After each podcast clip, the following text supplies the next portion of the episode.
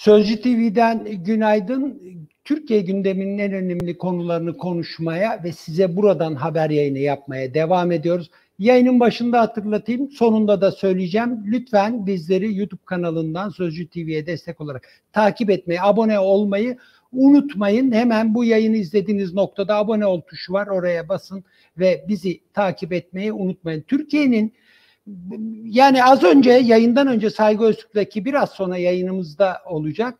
Konuşurken şey diyorduk. Ya acaba İsviçre'de, Lüksemburg'da falan gazeteciler ne yapıyordur? Çünkü bizim ülkemizde gündem hiç bitmiyor. Sürekli konuşuluyor, sürekli tartışılıyor. Hep konuşulacak, haber yapılacak bir şeyler var. Nitekim son günlerde en çok konuşulan konu malum e, organize suç örgütü lideri Sedat Peker'in video aracılığıyla yaptığı açıklamalar bir takım iddialardı ve o iddiaların merkezinde de Mehmet Ağar vardı ve Mehmet Ağar'la da Saygı Öztürk e, Sözcü Gazetesi yazarı ve e, Ankara temsilcisi Saygı Öztürk konuştu. Detayları da bugün Sözcü Gazetesi'nde var. Aradakileri, satır aralarını ve anlamlarını da Saygı Öztürk'le birlikte konuşacağız. Saygı abimiz Saygı Öztürk de Ankara'dan yayınımıza katılıyor. Saygı Öztürk günaydın. Nereden izleyicilerimize de esenlikler diliyorum. Teşekkür ederim. Hemen konuya gireyim. E, ilginç bir röportaj olmuş Saygı abi. Ben meslektaş olarak hep e, seninle konuşurken derim kıskanıyorum. İşte e, neticede e, kimi zaman rekabet halinde aynı haberin peşinde koşturuyoruz ama bir adım öne geçtin yine ve Mehmet Ağar'la konuştun anlatıldığı kadarıyla röportajda daha fazla marina konusu konuşulmuş. Biz de oradan başlayalım. Röportajı nasıl değerlendirdin? Detayları nedir? Aktarır mısın lütfen? Erdoğan şimdi şöyle söylemek gerekiyor. Şimdi gündemde gazetecinin işi nedir? Gündemdeki konularla ilgili işte kilit isimlere, olaylardaki birinci isimlere ulaşmak. Yani onlar kamuoyu önüne çıkıp herhangi bir açıklama yapmadan diğer meslektaşlarımız gibi bizler de hepimiz e, işte ona ulaşmaya, o kişiyle e, röportaj yapmaya, hakkındaki iddiaları cevaplandırmaya çalışmasını isteriz. E, nitekim e, ben de diğer meslektaşlarımız gibi uğraştım. Telefonunu bulmakta çok zorlandım, onu da söyleyeyim. Sonuçta bulduktan sonra kendisiyle konuştum. Bir de Mehmet Bey tabii biz eskiden beri tanırız. Mesela daha önce Ankara Emniyet Müdürlüğü yaptı, Emniyet Genel Müdürlüğü yaptı, İçişleri Bakanlığı, Adalet Bakanlığı. E bizler de Ankara gazetecisi olarak biraz daha e, ayrıcalığımızın olduğunu bu nedenle de düşünebilirim. Ve kendisinde e, dün uzun bir aradan sonra yani kendisiyle böyle, böyle bir konuşma imkanımız oldu. Şimdi Sedat Peker'in e, aynı şekilde yani şimdi nasıl Mehmet Ağar Bey'e ulaşmak için uğraşıyorsak işte bir dönem Sedat Peker'e uğraşmak için de çok uğraşmıştık. Onun için işte cezaevinden Alaaddin Çakıcı'nın çıktığı günlerde ya Sedat Peker'le işte ara, ilişkileri iyi değil, yurt dışına o yüzden kaçtı. İşte Alaaddin Çakıcı ile işte aralarında kan davası var gibi açıklamalar vardı. E peki bu açıklamalar doğru mudur? Taraflara bunu e, doğrulattırmaya veya olayın içerisindeki kilit isimlere ulaşmaya çalışıyorsun. O zaman da Alaaddin Çakıcı'ya ulaşmış ve barışma olayını da herhalde kamuoyuna ilk kez Sözcü gazetesi, Sözcü internet ve e, gündeme bizler getirmiştik ve nitekim o konuyu e, Alaaddin Çakıcı isimli kitabımda da nasıl barıştıklarını ayrıntılı olarak orada daha ayrıntılı olarak vermiştik. Mehmet Ağar Bey'e de tabii ki e, konuştuğunuz zaman gündemde nedir? E, organize suç örgütü e, lideri olduğu gerekçesiyle geçmişte yargılanmış, hüküm giymiş e, bir e, e, bu olayla ilgili şu anda yurt dışında bulunan e, Sedat Peker'in açıklamaları var. Sedat Peker'in açıklamaları tabii ki önemli iddialar içermektedir. Ee, işte bir genç bir kızın intihar olayı var, işte e, uyuşturucuyla ilgili bir takım iddiaları var, işte sözü edilen Marina ile ilgili iddiaları var. Marina'nın e, işte Azerbaycanlı iş, insanın elinden zorla alındığı, tehditle alındığına ilişkin iddialar var. E, bizler de bunları sormak tabii ki gerekiyor. Yani gazeteci olarak sorulması gereken ne varsa biz de sormak isteriz. Ama Bazen olur ki bu tür konularda röportaj yaptığınız kişi belli ölçüde yani belli sorulara cevap verir. Bazılarına der ki ya bu konuyla ilgisi yok veya ben bu konuda şimdi konuşmak istemiyorum diyor. O zaman tabii ki e, kişinin gırtlağına yapışacak halimiz yok. E, saygı duyuyorsunuz. E, alabildiğimiz kadarıyla e, almaya çalışıyoruz. Şimdi Mehmet Ağar konusu gündeme geldiği zaman kendisini aradığımda İlk zaten sorumda şu oldu. Mehmet Bey işte hakkınızda e, işte Sedat Peker'in bazı iddiaları var. Ne diyorsunuz dedi. Öncelikle dedik ben onu dedi yani bu kişiyi bir muhatap alarak veya ona karşı karşıya ona cevap vermiş durma dedi. Düşmek istemem dedi. E, ama şu var ben dedi yıllarca devlete hizmet etmişim. 25 yıl e, devlette çalış 25 yıl oldu ben devletten ayrılalı. 15 yıl oldu ben siyasetin dışında kalalı. Ve o gündür bugündür de yani çok ortalıkta da mümkün olduğu kadar gözüken birisi değilim. Ve e, bu nedenle benim her yaptığım şey devletin kontrolü altında. Neden? Ben 24 saat e, koruma altında yaşayan birisiyim. Yıllarca işte terör örgütleriyle mücadele ettim. Bu terör örgütleriyle mücadele ederken hemen hemen şu anda var olan terör örgütlerinin tamamının e, işte öldürülecek kişiler listesinde yer alan bir emniyetçiyim. E, hayatının 24 saati devletin kontrolünde olan bir kişi olmam nedeniyle de zaten benim her şeyim açık, gizli saklı bir şeyim yok.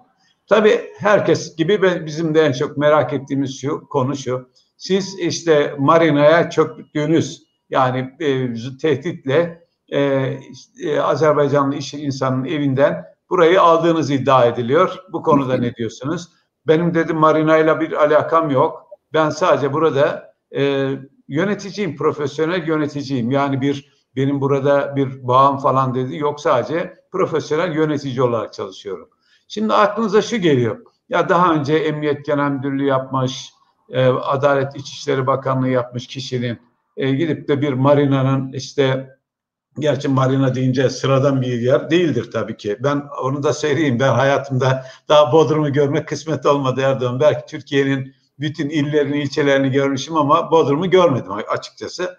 Ve bu kadar önemli olduğu ifade edilen e, ve dünya çapında olduğu, Akdeniz'in en iyi e, yat limanlarından olduğu ifade edilen yerde e, Mehmet Ağar e, buraya yönetici olarak e, profesyonel yöneticiyi ataman, atanmamın yolu da şöyle oldu diyor. E, diyor ki bu konuda bana çok ricada bulundular. O rica üzerine ancak ben diyor bu görevi diyor kabul ettim diyor. E, o görevi kim dedim e, ver yani bu ricada bulunanlar kim? E, açıkçası söyleyeyim bir e, yabancı ülkenin Cumhurbaşkanı'nın e, söz etti. Ben şimdi onun e, o ismini söylemediği için yani o ismini söyledi de e, biz şimdi ona saygısızlık olmasın diye söylemek istemeyeyim. Ama e, bir ülkenin Cumhurbaşkanı'nın ricası üzerine ben dedi bu görevi dedi kabul ettim dedi. Ve e, dolayısıyla oradaki e, görevinin veya bu son dönemlerde bu konunun sürekli gündeme getirilmesini de o tamamen Fethullah Gülen yani FETÖ operasyonlarına veya işte FETÖ'cülere bağlıyor. PKK'lılara bağlıyor. PKK'lıların, FETÖ'cülerin onlara ait sitelerde e, bu kendisiyle ilgili işte Marina ile ilgili e, olumsuz haberler yaymaya çalıştıklarını ve bunların da son dönemlerde hali e, yaygınlaştırdıklarını bir kampanyaya dönüştürdüklerini ifade ediyor ve e, burada da bir mesafe kat edildiğini ifade ediyor. Peki amaç nedir diyorsunuz burada? Amaç diyor e, buraya mafyanın dedi çökmesi. Çünkü dedi burası öyle böyle bir yer değil dedi. Burası döviz basan, e, para basan dedi bir yer.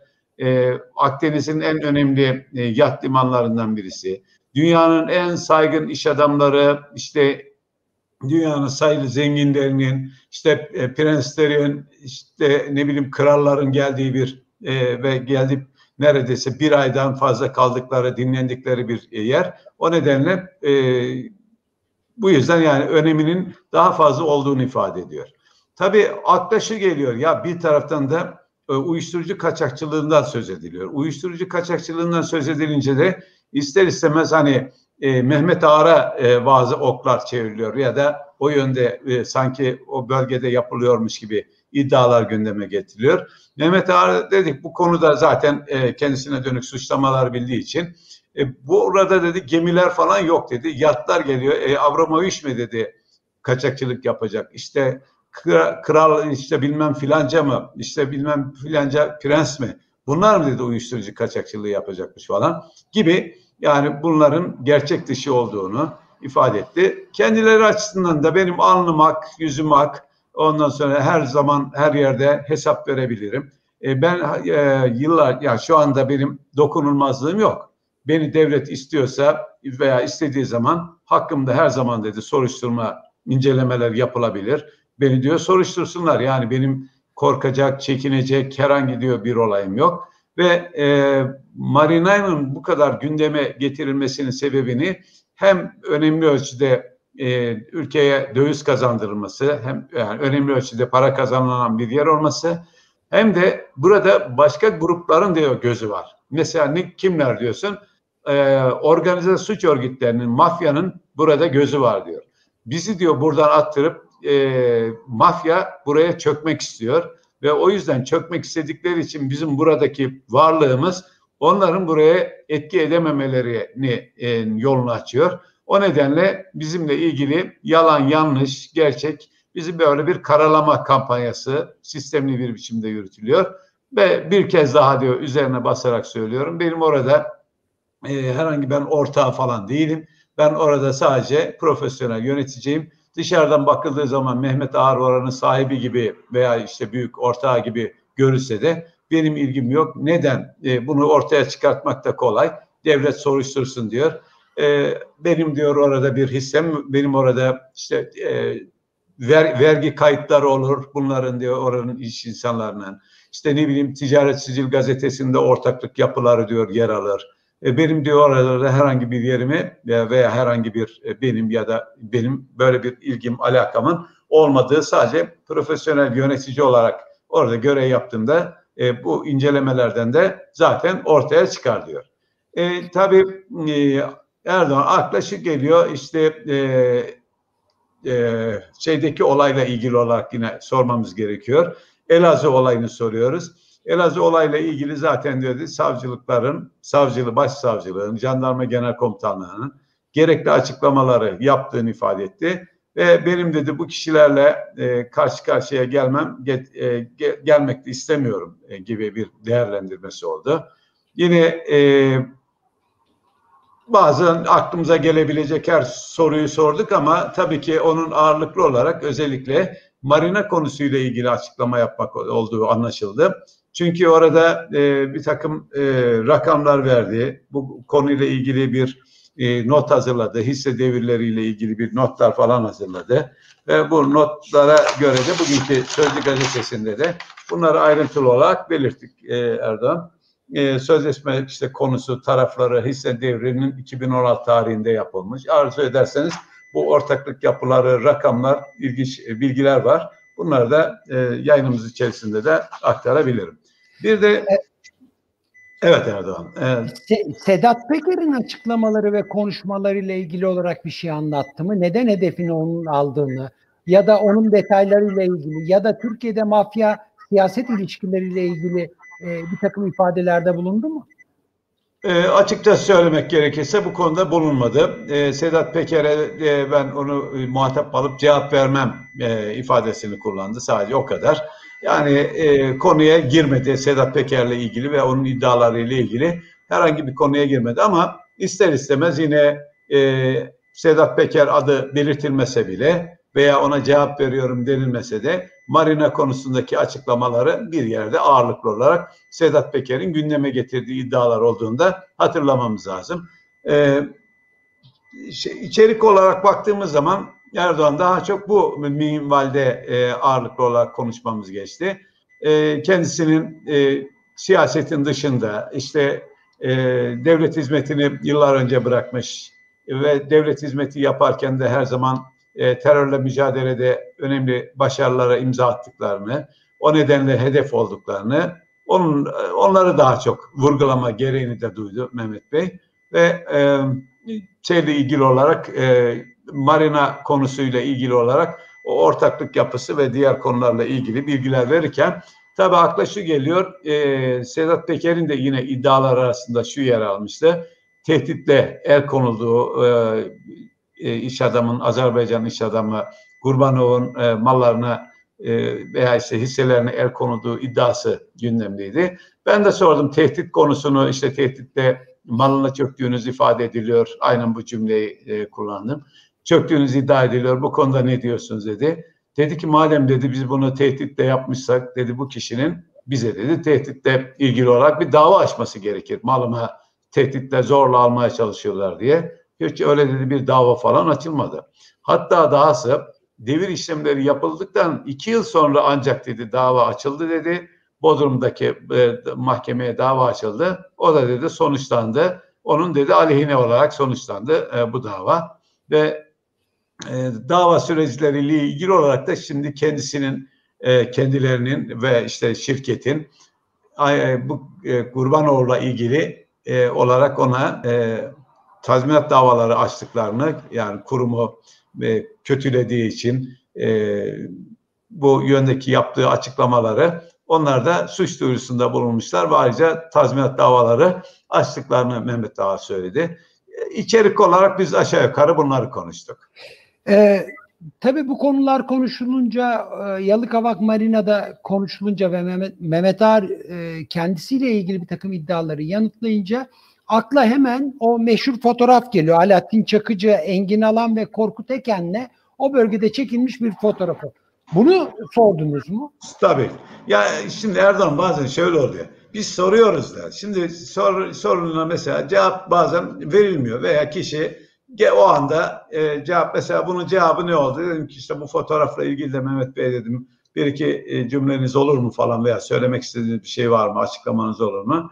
Saygı Bey dedi bununla ilgili yani konu dedi biraz farklı. Elmalarla armutlar dedi yan yana getirmeye dedi. Gerek yok yani bu şu aşamada onunla ilgili söyleyecek bir şey yok. Ama Erdoğan ben bu konuyla ilgili söyleyebileceğim şeyler olabilir. Neden? Lütfen, ee, lütfen. Sözü ödülen yani fotoğraftaki dört kişiden birisiyle ismini vermem uygun olmaz ama dört kişiden e, birisiyle ben konuşmuştum. Bana dedikleri şu ya dedi ki e, benim dedi evim e, Bodrum'da. Mesela şeyin evi Bodrum'da. E, Engin Alam e, Paşa'nın evi Bodrum'da.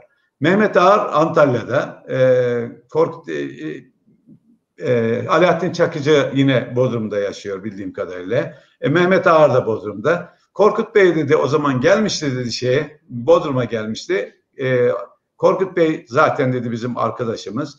Beraber diyor Bodrum'da dedi bir yemek yedik ve e, tüm hepsi dedi bu ondan sonra da dedi bir hatıra fotoğrafı çektirdik falan dedi. Ve e, bizim dedi ortak özelliğimiz dedi terörle mücadeledir dedi. Nasıl yani dedim terörle mücadele? E, Engin Alan olarak e, şey Mehmet Ağar yıllarca e, terörle mücadele etmiş. Üstelik de ya, hakikaten baktığın zaman hep aynı dönemdeki görev yapan isimler isimler öyle özellikle üç kamu görevlisi için diyorum. Mehmet Ağar e, Terör Emniyet Genel Müdürüydü o dönemlerde. E, Engin Alan Özel Kuvvetler Komutanıydı. E, yine e, Korkut Eken emekli yarbay. Korkut Eken de e, Türkiye'de ilk kez özel harekat polislerinin eğitimini veren, onları eğiten, e, işte bugün e, eğer e, özel harekatçılık polisleri varsa onların ilk üniversitesini atan e, emekli yarbay aynı zamanda. Daha sonra bir dönemde MİT'te yine bir e, eğitim çalışmalarını veren bir isim olduğu biliniyor. Alaaddin Çakıcı için de söylenen şuydu. O da kendi çapında e, terörle mücadelede görev alan bir isim. Aynı dönemlerde yani bizlerin bulunduğu terörle mücadele ettiği o zor dönemde Alaaddin Çakıcı da özellikle yurt dışında e, istihbarat faaliyetinde e, önemli katkılar olmuştu dedi. Hatta o dönem mesela Çatlı'nın da aynı şekilde e, kendilerine yardımcı olduğunu, Sedat Peker'in de yine o dönemlerde özellikle Balkan ülkelerinde e, çok önemli, kıymetli bilgileri devlete getirdiğini, bazı e, istihbarat yönünden e, ulaşılacak kaynakların dışında bunların kendi yol ve yöntemleriyle elde ettikleri bilgiler olduğunu da söylediler. Yani fotoğrafla ilgili yani bu fotoğrafta herhangi bir anormal durum veya herhangi bir yerlere mesaj verme niyetlerinin öyle bir şeylerin olmadığını söyledi. Ve bunda kendileri açısından eski arkadaşların tesadüfen bir, bir araya gelip bir yemekte buluşması olarak ve bir hatıra fotoğrafı olduğunu söylemekle yetindiler. Tabii bunu farklı bir biçimde değerlendirmek de e, mümkündür. Mesela e, Mehmet Ağar Bey işte diyor mafya çökecek gibi değerlendirmeler var. Şimdi Alaaddin Çakıcı'nın e, bu e, güçlü olarak bilinen e, ekibin yanında yer alması bir yerde oraya da göz dikmek isteyen mafya gruplarına da bana göre önemli bir mesaj niteliğini taşır. Tabii ki e, anlatılan biçimiyle söylediğimiz zaman terörle mücadele etmiş, geçmişte ilişkileri, dost e, ilişkileri kurmuş insanların bir araya gelmesiydi. Yine unutmamamız gerekir ki Alaaddin Çakıcı'nın yine yakalandığı zaman üzerinde kırmızı pasaport çıkmıştı. Yine rahmetli e, Abdullah Çatlı'nın yine e, yakalandığı zaman üzerinde e, yurt dışında yakalandığı zaman üzerinde yeşil pasaport çıkmıştı. Haluk Kırcı'nın yurt dışında bulunduğu zaman yine üzerinde yeşil pasaport çıkmıştı. Yani bunlar devletin içerisindeki bazı yerlerden tabii ki destek aldığı, öteden beri destek aldığı. Bunları da o desteklerle ilgili olarak da bazen devlet adına çalıştırdıkları için bunların yapıldığı ifade ediliyor. Ama e, bununla ilgili değil de tam tersi e, görüşler de zaman zaman ortaya atıldığı bellidir. Bunu da kamuoyu kendisi takdir eder diye düşünüyorum ben Erdoğan. Ee, Ağır'la e, görüşmenizde özellikle Yalıkavak Marina ile ilgili olarak orada bir takım sorunlar çıktıktan sonra buraya mafyanın çökmemesi için ifadesinden sonra e, devreye girdi ve oranın yönetiminde olduğunu e, aktardınız. Benim de aklıma hemen şöyle bir soru geliyor. Türkiye'nin önemli bir şirketi, bir yapısı, bir organizasyonu, e, çok iyi katma değer üreten herhangi bir e, yapısı e, bir şekilde sıkıntıya düşse oraya mafya mı çökecek? Yani ya devlet mi? Tabii, tabii bu çok zorlar, bu sorular çok zor sorular. Benim bunlara böyle şey yapmam Şüphesiz. zor. Ama şu var, şunu söyleyebiliriz. Yani demek ki ülkede hala e, organize suç örgütlerinin bir güç, önemli bir güç olduğu e, iddiası veya olaylar var. İçişleri Bakanlığı'nın bir açıklaması vardı yakın bir zamanda. Bu organize suç örgütleriyle ilgili verilen e, bir e, bilgiye göre yani Türk e, ülkemizde organize suç örgütleri alabildiğine fazla. Ve bunlarla ilgili olarak 15 Temmuz 2016'dan sonra 1738 operasyon yapıldı deniliyor. 22 bin şüpheli gözaltına alındı deniliyor. 8414 kişi de tutuklandı. İşte 31'i ulusal düzeyde, 13 bölgesel düzeyde, 304'ü yerel düzeyde olmak üzere 348 organize suç örgütü çökertildi deniliyor. Ya çökertildi bakın. 348 tane e, organize suç örgütü çökertilmiş. Şu anda Türkiye'de e, organize suç örgütlerinden geçilmiyor. Bir de böyle bir durum söz konusu.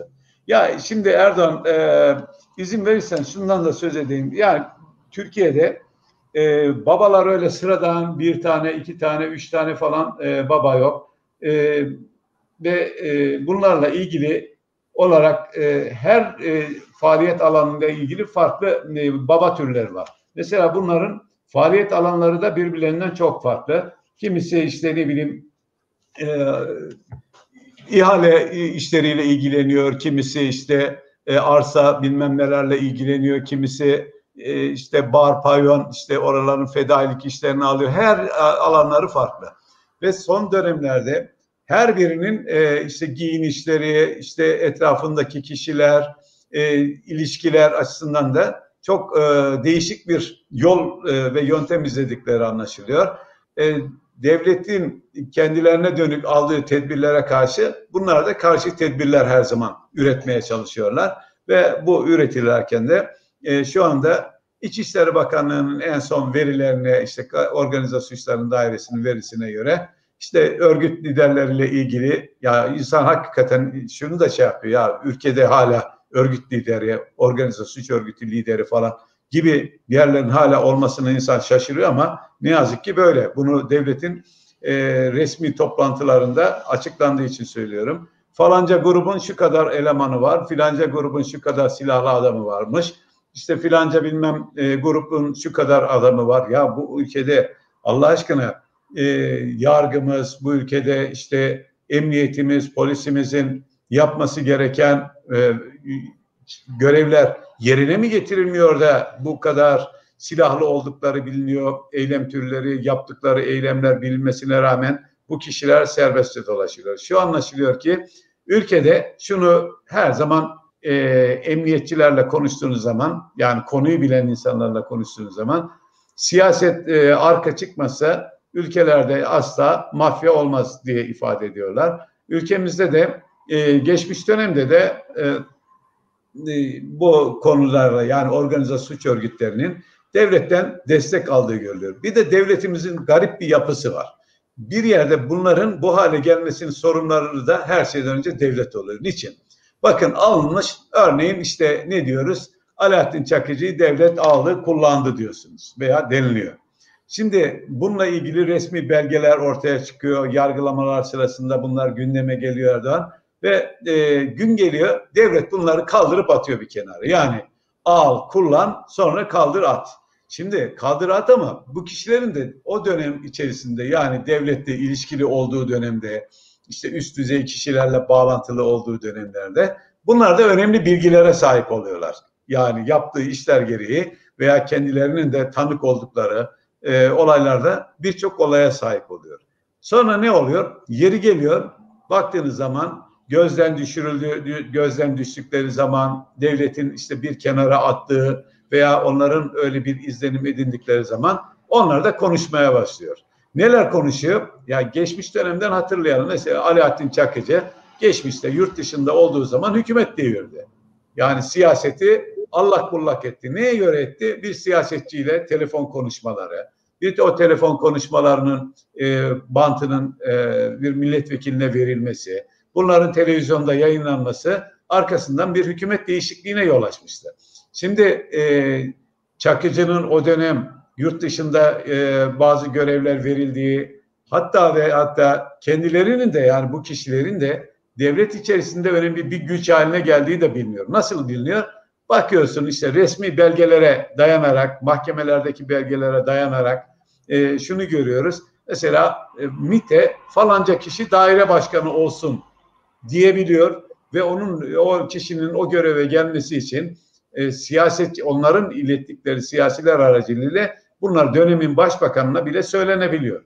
Şimdi e, şu dönemlerde e, bir dönem yani daha doğrusu Alaaddin Çakıcı'nın cezaevinde olduğu dönemde e, bildiğiniz gibi Sedat Peker'e Peker e, devlet bir yerde yardımcı oldu demeyelim de e, Sedat Peker e, önemli bir e, hükümete veya bazı siyasetçilere yakın yakın bir isim olmuştu ve bu yakınlık nedeniyle bazen yeri geliyor CHP Genel Başkanı ile ilgili, partilerle ilgili, ne bileyim işte bazı açıklanan bildirilerle ilgili e, değerlendirmeler yaparken ya e, söyledikleri sözler e, baktığınız zaman böyle çok ağır ifadeler içeriyor. İşte e, kanlarıyla işte duş yapılır gibi veya direkleri asılır gibi bir takım sözler söylüyor.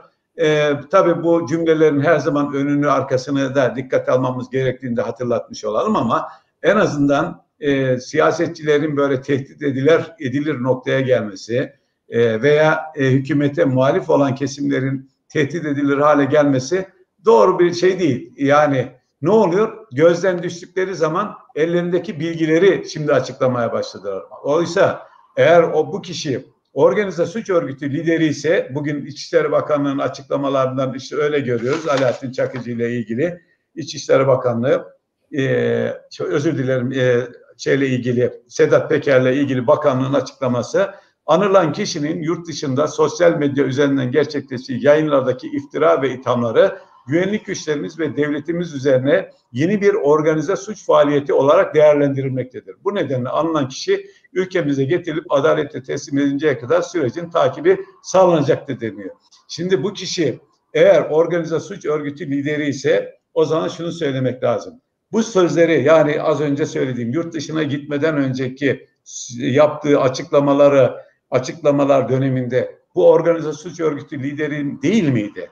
Yurt dışına gittikten sonra mı bu organize suç örgütü lideri oldu diye buna da bakmak lazım. Burada ben şunu anlıyorum açıkçası e, gözden düştü. E, devletten e, özellikle Alaaddin Çakıcı'nın çıkmasından sonra e, devletin e, ağırlığı daha doğrusu e, e, siyasete yakınlık Çakıcı'nın e, tarafına geçince gözden düştüğünü düşünen herhalde Sedat Peker e, bu açıklamaları yani bildiklerini anlatmaya başladı. Bir de tabii siyasette şu var. Siyasette bakıyorsunuz e, Sedat Peker'in hedef aldığı bazı isimler var. Bazı e, siyasetçilerin isimlerini söylüyor. E, bu isimleri söylediğin zaman siyasetin içerisinde var olduğu düşünülen veya var olduğu zaman zaman belirtilen kavgaların da bir yerde e, içerisinde e, organize suç örgütü lideri olduğu ifade edilen kişiler de katılmış oluyor ki herhalde en tehlikelisi bu. Neden tehlikeli diyorum? Yani e, siyasetin içerisinde bu kadar e, organize suç örgütleri nasıl girer? Ya da yön vermeye çalışır? Ya da e, devlet içerisindeki bir takım olup bitenlerle ilgili bilgiler e, bu kişilerin ellerine nasıl geçer? Bu da tabii ki sorulması gereken sorular olarak karşımıza çıkıyor. Galiba şunun da altını çizmek gerekiyor Saygı Öztürk. Her ne zaman ki Türkiye'de hukuk ve adalet sisteminde bir sıkıntı varsa mafya biraz daha görünür ya da biraz daha etkin oluyor. Ne dersiniz? Şimdi şunu söyleyerek devam edeyim Erdoğan o zaman. Ee, yani organize suç örgütü liderlerinin az önce ne dedik? Devlet içerisinde bazı bilgilere sahip olduklarını, geçmişte e, bazı olaylara veya ilişkiler nedeniyle e, kritik bilgileri edindiklerini ifade etmiştik. İşte o kritik bilgilerin e, ile ilgili şimdi açıklamalar ortaya dökülmeye başlandı. Yani e, örneğin işte e, Sedat Peker açıklamalarda bulunmaya başladı. Bazı isimler veriyor, bazı siyasetçi isimleri, bazı medya patronların isimlerini, işte bazı eski e, kamu görevlilerinin isimlerini sıralamaya başladığına göre bu iddiaları da önemsemek gerekiyor. Yani şimdi e, şudur budur e, veya hakkındaki e, tanımlama organize suç örgütü lideridir veya bilmem değildir. E, bu iddialarda bulunuyorsa bunları da araştırmakta her zaman fayda var. Neden? Şimdi e, Elazığ'da genç bir kızın e, hayatını kaybetmesi, intihar etmesi olayı gündeme getiriliyorsa, ya ortada bir can varsa, bu olayla ilgili ortada bir takım suçlamalar varsa, e, yani devletin bunu dört dörtlük olarak araştırması gerekir. Zaman zaman İçişleri Bakanı bir konu olduğu zaman daha çok güvenlikle ilgili konular olduğu için e, İçişleri Bakanı'na örnek veriyorum. Olduğu zaman ne deniliyor? İçişleri Bakanlığı tarafından işte yapılan açıklamada e, olayla ilgili olarak işte iki müfettiş görevlendirildi diyor. Gerçi o soruşturmaların sonuçlarını hiçbir zaman kamuoyuna açıklanmayız. Onu da ifade edelim. Ama ne oluyor? Toplumun gazı alınıyor. Aa bak İçişleri Bakanlığı müfettişleri, mülkiye müfettişlerini göndermiş. Konuya ilgilenir. O zaman devlete olan bir e, güven de artıyor. Ya diyorsun bak böyle bir iddia var. Devlet de bunu araştırıyor. E, bu konularla ilgili de bu iddialar yani Sedat Peker'in iddialarını önemseyeceksiniz veya e, önemsemezseniz bile ya bu iddiaların kamuoyunda e, aydınlatılması veya bu iddialarla ilgili devletin de yaptıklarını kamuoyuna açıklamasında fayda vardır diye bakıyorum.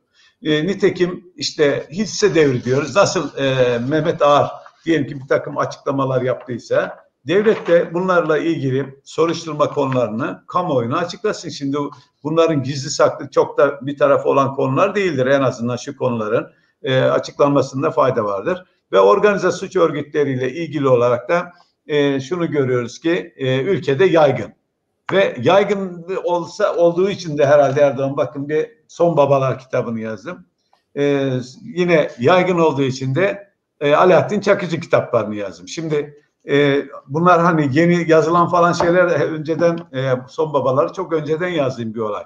Şunun için söylüyorum. Yani Türkiye'de değişen bir şey yok. E, yıllar önceki olaylar e, veya organize suç örgütleri yine aynı şekilde organize suç örgütleri.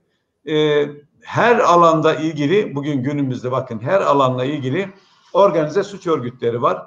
E, devletin de bu konuda gerçekten daha etkili mücadele yapması gerekiyor. Yine e, en önemli bana göre Erdoğan son dönemlerin en önemli konulardan birisi. Yine olayı tabii ki organize suç örgütleriyle ilişkilendirerek söyleyeceğim. Ya ülkede önemli bir e, uyuşturucu kaçakçılığı başladı. Yani bunu e, yakın bir zamanda e, işte Brüksel Büyükelçiliğimizin eski basın e, müşaviri e, Türkiye'den yurt dışına giderken otomobilinin gizli bölmelerinde e, 100 kilo 100 kilo bakın dikkat et 100 kilo eroin yakalandı. Bu devlet memuruydu yani daha düne kadar. Şimdi 100 kilo eroin demek devletin kendi hesaplamalarına göre söylüyorum 49 milyon e, liralık bir uyuşturucu. Bakın bir kişinin götürdüğü 49. Ya kardeşim bu 49 milyon lira eroini siz nasıl aldınız? Ki bunların şöyle olur Erdoğan, Türkiye'deki fiyatı şu anda 49 milyon lirası Türkiye'de değeri. Yurt dışına gittiği zaman değeri 10 kat artar bunun. 10 kat artar. Yani e, parça şey olarak. Ya bu ünleri, bu paraları nasıl kazanıyor veya bunun paralar nasıl ödeniyor? Oradan şuraya geçeyim. Şimdi Panama'da işte e, kokain e, içe, muz muzların arasında kokain e, ele geçirildi. Ne kadar işte bilmem kaç kilo, kaç ton. Şimdi Erdoğan şöyle olur. Şimdi yurt dışında e, ka, şeyden e, Ekvador'dan bunlar şeyler e, muzların arasına e, şeyler yerleştiriliyor. Uyuşturucu yerleştiriliyor ki değeri çok yüksek biliyorsunuz. Yani e, 236 dolar bir gramı. Bir gramı 236 dolar e, kokainin ve bunların e, Panama'da yakalandı. Şimdi bir ülkeden e, gemiye mal yüklendiği zaman o ülkede e, işte FOB e, değer olarak FOB olarak ifade ediliyor. Orada yüklendiği zaman parası eğer orada veriliyorsa FOB olarak verilmiş oluyor. Yani oradaki malın değeri olarak. Türkiye'ye ya da son noktaya, son varış noktasına geleceği zaman e, SIF e, olarak nitelendiriliyor. Yani parası indiği limanda verilecek demektir. Şimdi baktığın zaman Panama'dan e, yakalanan, transit geçerken yakalanan gemideki o muzların arasındaki, muz yüklü geminin arasındaki o kadar ton uyuşturucu yani kokainin son geliş noktası Türkiye görünüyor. Neresi? Mersin Limanı görünüyor. Ya şimdi o zaman şu var. Erdoğan ne dedik? E, SIF olarak yüklenmiş e, eldeki bilgilere göre. Bu kadar kaç trilyon liralık e, uyuşturucunun parasını Mersin Limanı'nda kim veriyor? Veya bu kadar para Türkiye'de kimde var? Onu bilemiyoruz. Bu paraların bir de e, Türkiye'ye geldiği zaman kokainin Türkiye'de de kullanıcıları ne yazık ki giderek artıyor. E, güvenlik birimlerimizin bu konudaki mücadeleleri var doğru ettiği şöyle, bir şöyle bir soru sorabilir miyim Saygı Öztürk? Basit bir Twitter mesajının peşine düşüp bulup onu cezalandıran devlet sistem e, bütün bu verileri artık açık kaynaklarda da olan ticaretin ucunu orasını burasını bulamıyor mu? Erdoğan çok e, doğru diyorsun. Tabii ki bulur. Hatta e, sabahleyin ben bu şey önceki gün bir gümrükte daha önce e, müfettiş olarak görev yapan halen de müfettiş orada. Onunla konuştum. Ya dedim mesela siz dedim bunu bulamaz mısınız dedi. Ya nasıl bulamazsın dedi. Yapılacak işlem dedi son derece basit. Yani bunun için dedi müfettiş olmaya, uzman olmaya bile gerek yok. Panama'dan o belgelerin e, çünkü yükleyen kişi belli, konşimento bilgileri belli, Türkiye'deki alıcı firmaları belli, bunları takip edecek ajantalar belli olur. O belgeleri diyor Panama'dan aldığınız zaman Türkiye'de bunları incelersiniz. Kimin, hangi firma veya hangi ajanta çağırırsınız e, şey noktasına kadar yani onunla ilgili kime teslim edileceği varıncaya kadar her şeyi bulmak mümkün. Ama bulmak istersen mümkün. Bulamayınca da olamıyor. E, bir de tabii Türkiye'de e, ne yazık ki e, Erdoğan bir de bazı kesimlerin korunduğuna tanık oldu. Yine ben o e, az önce verdiğim e, basın müşavirinden e, onu örnek vermek istiyorum. Çünkü gazetecilikte çok karşılaştığımız bir olay olmadığı için. Şimdi bilirsin yıllardır hep şöyle olur. Emniyet veya işte gümrük, jandarma ya şu kadar gram eroin yakaladık veya şu kadar bilmem kilo e, işte esrar yakaladık, işte şu kadar e, bilmem e, kokain yakaladık dediği zaman bunu hemen basına servis yaparlar. E, gazetecileri çağırırlar. Orada görüntüler eşliğinde fotoğraflar verirlerdi. Şimdi şimdi yaygın olarak hemen kendi e, sayfalarında duyurular yapılıyor. Ya bu olayın şeydeki olay, e, gümrükteki olay, e, Edirne'deki Kapıkule'de yakalanan o sözünü ettiğimiz 49 e, milyon liralık 100 kilo eroin olayını ben gazeteci olarak 15 gün sonra duydum Erdoğan. Bakın 15 gün sonra duydum. Neden? İnternet sitelerinde bilgi yok, bilmem ne de yok. Zaten kamuoyunda da e, gümrük görevlilerinden rahatsız olanlar olduğu için size bilgiyi veriyor. Yani ya her şeyi duyuran devlet işte bakın bu kişi işte falan falan da özellikleri var. Filanca partiyle bağları var ve öyle bir talimat verilmiş ki bununla ilgili en küçük basında bir haber çıkmayacak aman hiçbir şey geçmesin, kimse duyulmasın diye. Ya İran e, Erdoğan 15 gün sonra bu bilgiyi iyi de tamam böyle bir şey var da bunu teyit etmek bile mümkün değil. Ya teyit edebilmek için araya siyasileri koyduk da onlar tesadüfen işte öğrenmiş veya merak edip aramışlar gibi öyle e, kişinin işte 15 gün ya olay dedi 15 gün önce olmuş adam da tutuklanmış. Bu bitti. Yani bu kadar biliyoruz. Daha fazla detay E yok. ama Yani adam 100 kilo koruma eve götürmüyordu herhalde yani. Ya Erdoğan yani içici desen içici değil. Yani 49 kilo şey 100 kilo eroin götürüyor ya şaka maka değil. Ya bir de bunların paraları nereden veriliyor Erdoğan? Bir de ona bakmak lazım. Yani bu kadar Türkiye'de e, uyuşturucuya verilen paralar nasıl veriliyor? E, şunu da görmeye başladık. E, işte genelde Türkiye'ye eroin e, şeyden gelir. E, işte İran üzerinden gelir. Altın hilal olarak işte ta- tanımlanan Tayvan işte oradaki o bölgelerden İran üzerinden de Türkiye'ye girişler yapılıyor. Türkiye'ye iki türlü giriş var. Bakın orada eroin ham maddesi Türkiye'ye geliyor.